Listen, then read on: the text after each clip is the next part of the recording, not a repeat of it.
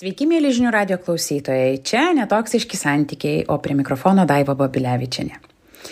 Ir šios dienos komentarą norėčiau skirti trauminiam arba autentiškam ryšiui.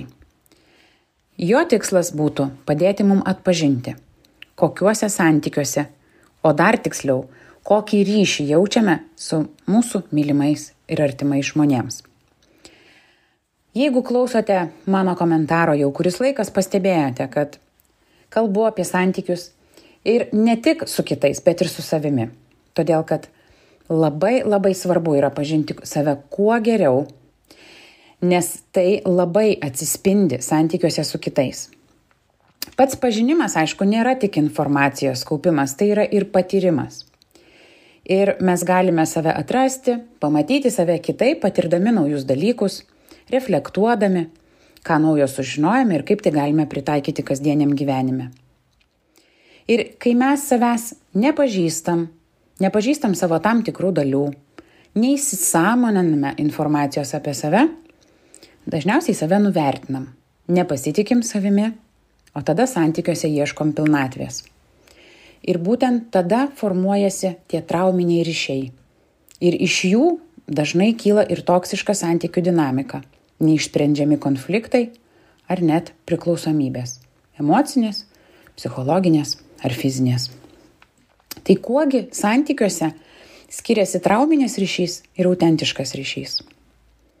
Trauminėme ryšyje mūsų pasamoninė arba neįsisamoninta žinutė apie partnerį yra apie išgelbėjimą, sutvarkymą, pripažinimą mano vertės tai gali skambėti, kad, na, tu turi padaryti mane laimingu, laimingą, tu turi pamatyti ir pripažinti, koks vertingas asmuo aš esu. Autentiškame ryšyje, kita vertus, mes eisime link labiau pažink mane, tiesiog matyk mane, būk šalia manęs. Ir vėlgi, tai nebūtinai yra įžodinta, tai gali būti tiesiog mūsų automatinės mintys arba toksai kaip vertybinis pamatas, kuriuo mes gyvename. Taip pat trauminėme ryšyje visa um, dinamika yra gan chaotiška, nenuspėjama, nėra emocinio stabilumo. Kita vertus, autentiškame ryšyje mes jaučiame saugus, viskas vyksta nuosekliai, jausmai, santykiai yra nuoseklus ir išvalgu. Tai yra, kad būdami poroje mes stebime vienas kitą, matome, kas keičiasi, prisitaikome arba ieškome kompromisu dalinamės įžvalgomis ir kartu augame. Grįžtant prie trauminio ryšio. Juose dažniausiai santykiai atspindi mūsų vaikystės patirtis.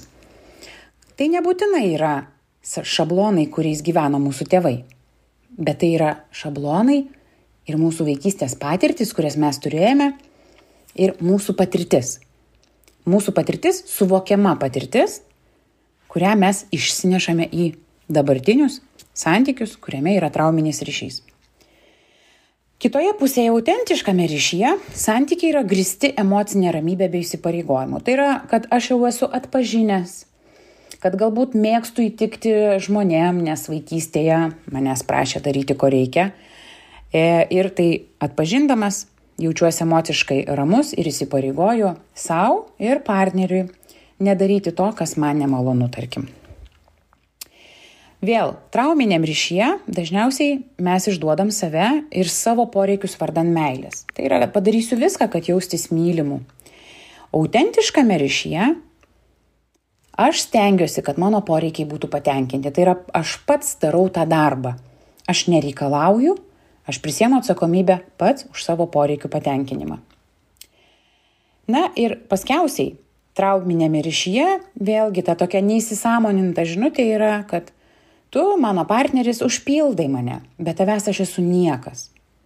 O autentiškame ryšyje tai skambėtų, tu man padedi aukti ir tobulėti. Ir turbūt pajutote skirtumą, netgi man dalinantis šituo, aš pati labai jaučiu skirtumą, kad trauminėme ryšyje yra labai daug sunkumo, labai daug nerimo, įtampos. Autentiškame ryšyje tikrai jaučiamas saugumas, ir tokia partnerystė, e, bendrystės jausmas. Ir kad tai nenutiktų santykiuose arba nustotų tai būti, ypatingai jeigu atpažįstate, kad jūsų ryšys turbūt yra trauminis, prisirišimas pats trauminis, kad taip nenutiktų, nepleiskite savęs. Analizuokite savo mąstymo ir elgesio šablonus. Pažinkite savo emocijas, mokykitės jas įvardinti.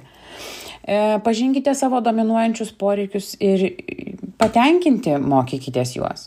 Ugdykite pasitikėjimą savimi ir bandykite patirti gyvenimą per savo vidinį pasaulį ir santykiai su savimi, tam, kad santykiai su kitais būtų geresni. Čia buvo Daiva Babilevičiane ir netoksiški santykiai. Ir nepamirškite pagalvoti, kuriame ryšyje save labiau identifikuojate ir kokių veiksmų galite imtis, kad tai pakeisti.